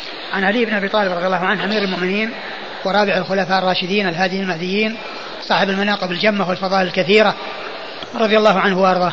نعم. قال حدثنا وهب بن وهب بن بقية قال أخبرنا خالد عن سهيل يعني بن أبي صالح عن سعيد بن يسار الأنصاري عن زيد بن خالد الجهني عن أبي طلحة الأنصاري رضي الله عنه أنه قال سمعت النبي صلى الله عليه وعلى آله وسلم يقول لا تدخل الملائكة بيتا فيه كلب ولا تمثال. وقال انطلق بنا إلى أم المؤمنين عائشة نسألها عن ذلك. فانطلقنا فقلنا يا أم المؤمنين إن أبا طلحة حدثنا عن رسول الله صلى الله عليه وآله وسلم بكذا وكذا فهل سمعت النبي صلى الله عليه وعلى آله وسلم يذكر ذلك؟ قالت لا ولكن سأحدثكم بما رأيته فعل. خرج رسول الله صلى الله عليه وعلى آله وسلم في بعض مغازيه وكنت أتحين قفوله فأخذت نمطا كان لنا فسترته على العرض فلما جاء استقبلته فقلت السلام عليك يا رسول الله ورحمة الله وبركاته. الحمد لله الذي أعزك وأكرمك. فنظر إلى البيت فرأى النمط فلم يرد علي شيئا ورأيت الكراهية في وجهه فأتى النمط حتى هتكه. ثم قال إن الله لم يأمرنا فيما رزقنا أن نكسو الحجارة واللبن. قالت فقطعته وجعلته وسادتين وحشوتهما ليفا فلم ينكر ذلك علي. ثم ورد أبو داود حديث أبي طلحة وحديث عائشة رضي الله تعالى عنهما. وحديث أبي طلحة أنه قال لا تدخل الملائكة بيتا فيه آه، كلب ولا تمثال.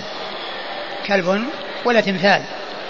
وهذا ذكر الكلب يعني جاء في هذا الحديث والحديث الذي قبله الذي فيه ضعف. والتمثال كذلك أيضا جاء هو صورة إلا أنها على هيئة على هيئة مجسمة. ف ف حدث أبو, أبو طلحة رضي الله عنه بهذا الحديث فقالوا نذهب إلى عائشة نسألها عما حدث به أبو طلحة فذهبوا إليها رضي الله عنها وقالت هل سمعتيه يذكر شيئا من ذلك؟ قالت لا ولكن أحدثكم بالذي حصل أنه كان الرسول قدم من سفر وأنها آه، عمدت إلى نمط فعلقته أو رفعته على عرض أو على عرص ف الرسول صلى الله عليه وسلم جاء وتغير وهي رحبت به وقالت أعزك الله ونصرك وكان قادما من, من, من سفر ولعله كان في جهاد في سبيل الله عز وجل فهتك الستر وقطعه ثم انها اتخذت من ذلك وسادتين وحشتهما فلم يمكن ذلك رسول الله صلى الله عليه وسلم وقال إن إن إن الله لم يأمرني في في إن الله لم يأمرنا فيما رزقنا أن نكسو الحجارة واللبن. إن الله لم يأمرنا فيما رزقنا أن نكسو الحجارة واللبن. يعني الحجارة واللبن الجدران. يعني سواء كانت من حجارة أو كانت من لبن. يعني وهذا يتعلق بالكسوة أيضا الذي سبق أن مر بالستور. وهو يدل على أن كسوة الجدران بالسجاد وغيره أن ذلك لا ينبغي وفي ذلك خلاف بين أهل العلم. منهم من قال بكراهته وأن كراهة تنزيه ومنهم من قال بتحريمه. ومن العلماء من قال وقد جاء في بعض هذا أن فيه صورة فيكون آه، المنع من الجهتين من جهة ما فيه من الصور ومن جهة الكسوة. لأن الرسول صلى الله عليه وسلم علل بكسوة الجدران والحجارة واللبن فهو يدل على منع ذلك. وفيه آه، خلاف بين أهل العلم والذي ينبغي هو أن لا يفعل لأن هذا فيه إسراف وفيه أيضا آه، استعمال للشيء فيما لا حاجة إليه ولا داعي إليه. نعم. قال حدثنا وهب بن بقية. وهب بقية الواسطي وهو ثقة ثقة. نعم ثقة أخرجه مسلم وأبو داود النسائي أخرجه مسلم وأبو داود النسائي عن خالد وهو بن عبد الله الواسطي ثقة. أخرجه أصحاب كتب الستة. عن سهيل يعني بن أبي صالح. سهيل بن أبي صالح وهو صدوق. أخرجه أصحاب كتب الستة. ورواية ورواية ال ال ال البخاري له مقرون. عن سعيد بن يسار الأنصاري. عن سعيد عن عن سعيد بن يسار ثقة أخرجه أصحاب كتب الستة. عن زيد بن خالد الجهني. عن زيد بن خالد الجهني ثقة صحابي أخرجه أصحاب كتب الستة. عن أبي طلحة. عن أبي طلحة وهو سهل وهو زيد بن سهل. أبو طلحة مشهور بكنيته وهو زوج أم سليم أم أنس بن مالك وهو صحابي مشهور أخرج له أصحاب كتب الستة. عن عائشة. وعائشة أم المؤمنين وقد مر ذكرها. هنا تقول فقلت السلام عليك يا رسول الله ورحمة الله وبركاته. الحمد لله الذي أعزك وأكرمك. فنظر إلى البيت فرأى النمط هل في الحديث دلالة على أن النبي صلى الله عليه وسلم لم يرد عليها السلام؟ ما في ذكر السلام لكن ما يدل على أنه ما رد عليها السلام. لأنه يمكن أن يكون رد عليها السلام ولم يذكر. يمكن يكون رد عليها السلام ولم يذكر. ولكنه ذكر ما حصل منها من السلام والترحيب والثناء عليه. وقدومه منتصرا آه، آه، منتصرا صلوات الله وسلامه وبركاته عليه. لكنه ما يدل على أنه لم يرد عليه السلام لأن أكثر ما فيه السكوت و وليس فيه ذكر أنه لم يرد عليه السلام حتى يقال أن السلام أو رد السلام آه، مثبت أنه لم منفي وأنه أثبت نفيه بحيث قال أنه لم يرد عليه السلام وإنما كان مسكوتا. عنه فيحتمل أن يكون موجودا ولكنه كان مسكوتا عنه. أحسن الله إليك. جاءت أسئلة في كسوة الكعبة. وهنا لم يأمرنا فيما رزقنا أن نكسو الحجارة واللبن. لا هذه الكسوة الكعبة يعني كانت يعني آه، كسوتها ثابتة وكان هذا موجود قبل الإسلام وجاء الإسلام وأقره. جاء الإسلام وأقر ذلك. فهو مما أقر في الإسلام. والكعبة يعني كونها آه، خصصت بذلك آه، هناك دليل يدل على التخصيص وهي كونها كانت مكسوة والرسول أقر الكسوة وقد جاء في الحديث حديث فتح مكة الذي قال اقتلوا ابن خطل ولو وجدتموه متعلقا بأستار الكعبة ولو وجدتموه متعلقا بأستار الكعبة. نعم. هنا في الحديث يا شيخ تقول فلم يرد علي شيئا. كيف الحديث قالت فلما جاء استقبلته فقلت السلام عليك يا رسول الله ورحمة الله وبركاته. الحمد لله الذي أعزك وأكرمك. فنظر إلى البيت فرأى النمط فلم يرد علي شيئا. يعني كأنه ما تكلم يعني ما تكلم عن الشيء الذي رآه والذي آه، ساءه المنظر إليه ولكنه جاء وهتكه صلى الله عليه وسلم. لكن لا يدل على أنه ما رد عليه السلام. قال حدثنا عثمان بن أبي شيبة قال حدثنا جرير عن سهيل بإسناده مثله قال فقلت يا أمة إن هذا حدثني أن النبي صلى الله عليه وآله وسلم قال وقال فيه سعيد بن يسار مولى بني النجار. نعم. قال حدثنا عثمان بن أبي شيبة عن جرير جرير بن عبد الحميد الضبي الكوفي ثقة أخرج له أصحاب كتب الستة عن سهيل بإسناده مثله نعم قال حدثنا قتيبة بن سعيد قال حدثنا الليث عن بكير عن بسر بن سعيد عن زيد بن خالد عن أبي طلحة رضي الله عنهما أنه قال إن رسول الله صلى الله عليه وعلى آله وسلم قال إن الملائكة لا تدخل بيتا فيه صورة قال بسر ثم اشتكى زيد فعدناه فإذا على بابه ستر فيه صورة فقلت لعبيد الله الخولاني ربيب ميمونة زوج النبي صلى الله عليه وآله وسلم رضي الله عنها ألم يخبرنا زيد عن الصور يوم الأول؟ فقال عبيد الله ألم تسمعه حين قال إلا رقما في ثوب؟ ثم أورد آه، أبو داود حديث آه، حديث أبي طلحة. رضي الله تعالى عنه. قال أن الملائكة لا تدخل بيتا فيه صورة. أن الملائكة لا تدخل بيتا فيه صورة. وهذا جاء في أحاديث متعددة. أن الملائكة لا تدخل بيتا فيه صورة والمقصود بذلك يعني صورة ما فيه روح. نعم. قال بسر ثم اشتكى زيد فعدناه. ثم اشتكى زيد يعني زيد بن خالد الجهني. فعدناه. نعم عادوه يعني في مرضه يعني عيادة مريض. اشتكى يعني مرضا فعدناه يعني جئنا لعيادته عيادة المريض. فإذا على بابه ستر فيه صورة. فإذا على بابه ستر فيه صورة. ويعني هذا يحمل على على أساس أنها صورة أنها سائغة وأنها ليست يعني محرمة وإنما يعني تكون يعني إما يعني من غير ذوات الأرواح أو أنها من ذوات الأرواح ولكنها عمل فيها شيء يعني أزال الهيئة التي تكون عليها والهيئة المحذورة التي لا يجوز أن تقر. نعم. فقلت لعبيد الله الخولاني ربيب ميمونة زوج النبي صلى الله عليه وسلم ألم يخبرنا زيد عن الصور يوم الأول؟ ألم تسمعه حين قال إلا رقما في ثوب؟ إلا رقما يعني في ثوب يعني يعني كتابة في ثوب فيكون محمولا على هذا أنها ليست صورة آه، آه، ممنوعة أو صورة يعني باقية على تحريمها وإنما صورة آه، إما أنها ليست من ذوات الأرواح أو أنها من ذوات الأرواح ولكنها قطع رأسها وأزيل شيء منها. نعم. قال حدثنا قتيبة بن سعيد. قتيبة بن سعيد ثقة أخرج له أصحاب كتب الستة. عن الليث عن الليث بن سعد المصري ثقة فقيه أخرج له أصحاب كتب الستة. عن بكير. عن بكير بن عبد الله الأشج وهو ثقة أخرجه أصحاب كتب الستة. عن بسر بن سعيد عن زيد بن سعيد ثقة أخرجه أصحاب كتب الستة. عن زيد بن خالد عن أبي طلحة. وقد مر ذكر الصحابيين رضي الله عنهما. قال حدثنا الحسن بن الصباح قال أن إسماعيل بن عبد الكريم حدثهم. قال حدثني إبراهيم يعني بن عقيل عن أبيه. عن وهب بن منبه عن جابر رضي الله عنه أن النبي صلى الله عليه وآله وسلم أمر عمر بن الخطاب رضي الله عنه زمن الفتح وهو بالبطحاء أن يأتي الكعبة فيمحو كل صورة فيها فلم يدخلها النبي صلى الله عليه وآله وسلم حتى محيت كل صورة فيها. ثم ورد أبو داود حديث عمر بن الخطاب رضي الله عنه.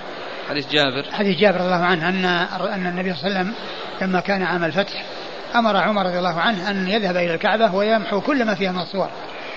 فذهب ومحى جميع ما فيها من الصور فلم يدخلها رسول الله صلى الله عليه وسلم إلا وقد طهرت من هذه الصور.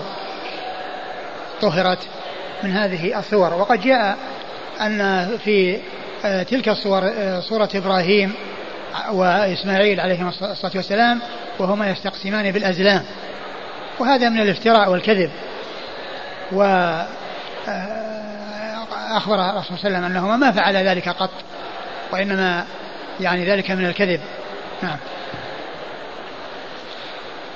أن النبي صلى الله عليه وسلم أمر عمر بن الخطاب زمن الفتح وهو بالبطحاء أن يأتي الكعبة فيمحو كل صورة فيها فلم يدخلها النبي صلى الله عليه وآله وسلم حتى محيت كل صورة فيها. نعم.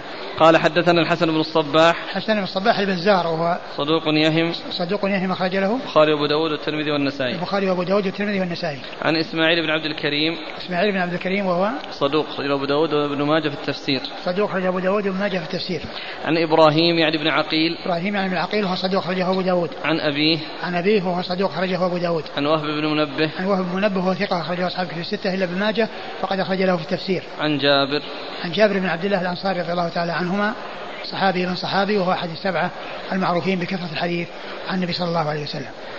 قال حدثنا أحمد بن صالح قال حدثنا ابن وهب قال أخبرني يونس عن ابن شهاب عن ابن السباق عن ابن عباس رضي الله عنهما أنه قال حدثتني ميمونة رضي الله عنها زوج النبي صلى الله عليه وآله وسلم أن النبي صلى الله عليه وعلى آله وسلم قال إن جبريل عليه السلام كان وعدني أن يلقاني الليلة فلم يلقني.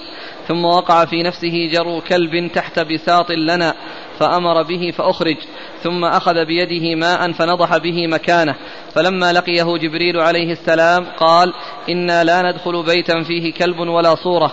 فأصبح النبي صلى الله عليه وآله وسلم فأمر بقتل الكلاب حتى إنه لا يأمر بقتل كلب الحائط الصغير ويترك كلب الحائط الكبير. ثم ورد أبو داود حديث ميمونة رضي الله عنها ميمونة أم المؤمنين رضي الله تعالى عنها وأرضاها أن النبي صلى الله عليه وسلم كان وعده جبريل على أنه يلقاه وتأخر فلم يأتي ووقع في نفس النبي صلى الله عليه وسلم آه، أن في البيت آه، كلبا فوجد جروا وهو ولد الكلب الصغير آه، وجده في إيش؟ فلما أنه وقع في نفس جرو كلب تحت بساط لنا. تحت بساط لنا فأخرجه النبي صلى الله عليه وسلم وأتى بماء ونضح فيه مكانه فجاءه جبريل وقال إنا لا ندخل بيتا فيه كلب ولا صورة. لا ندخل بيتا فيه كلب ولا صورة. وهذا يدل على ابتعاد الملائكة عن البيوت والأماكن التي فيها الكلاب والتي فيها الصور ولكن يستثنى من ذلك فيما يتعلق بالكلاب الكلاب التي جاءت السنة باستثنائها مثل كلب الصيد مثل كلب الزرع كلب الماشية فإن هذه مستثنات بالسنة. وما عداها فإنها فإن الكلاب لا تتخذ. فالرسول صلى الله عليه وسلم أمر بقتل الكلاب يعني بعد تلك المناسبة وتلك الحالة. فكان فكانوا يذهبون إلى يأتون آه، يقتلون الكلاب حتى إنهم يقتلون الكلب الصغير الذي يكون في الحائط ويتركون الكبير. الكبير الذي يتخذ للحراسة والصغير الذي لا حاجة إليه. ولكنه جاء بعد ذلك ما يدل على نسخ قتل الكلاب وأنها يعني لا تقتل وإنما يقتل منها من حصل ما حصل منه أذى. والذي لا يؤذي فإنه لا يقتل. نعم. قال حدثنا أحمد بن صالح أحمد بن صالح المصري ثقة أخرجه البخاري وأبو داود والترمذي في الشمائل. عن ابن وهب ابن وهب عبد الله بن وهب المصري ثقة فقيه أخرج له أصحاب الكتب الستة.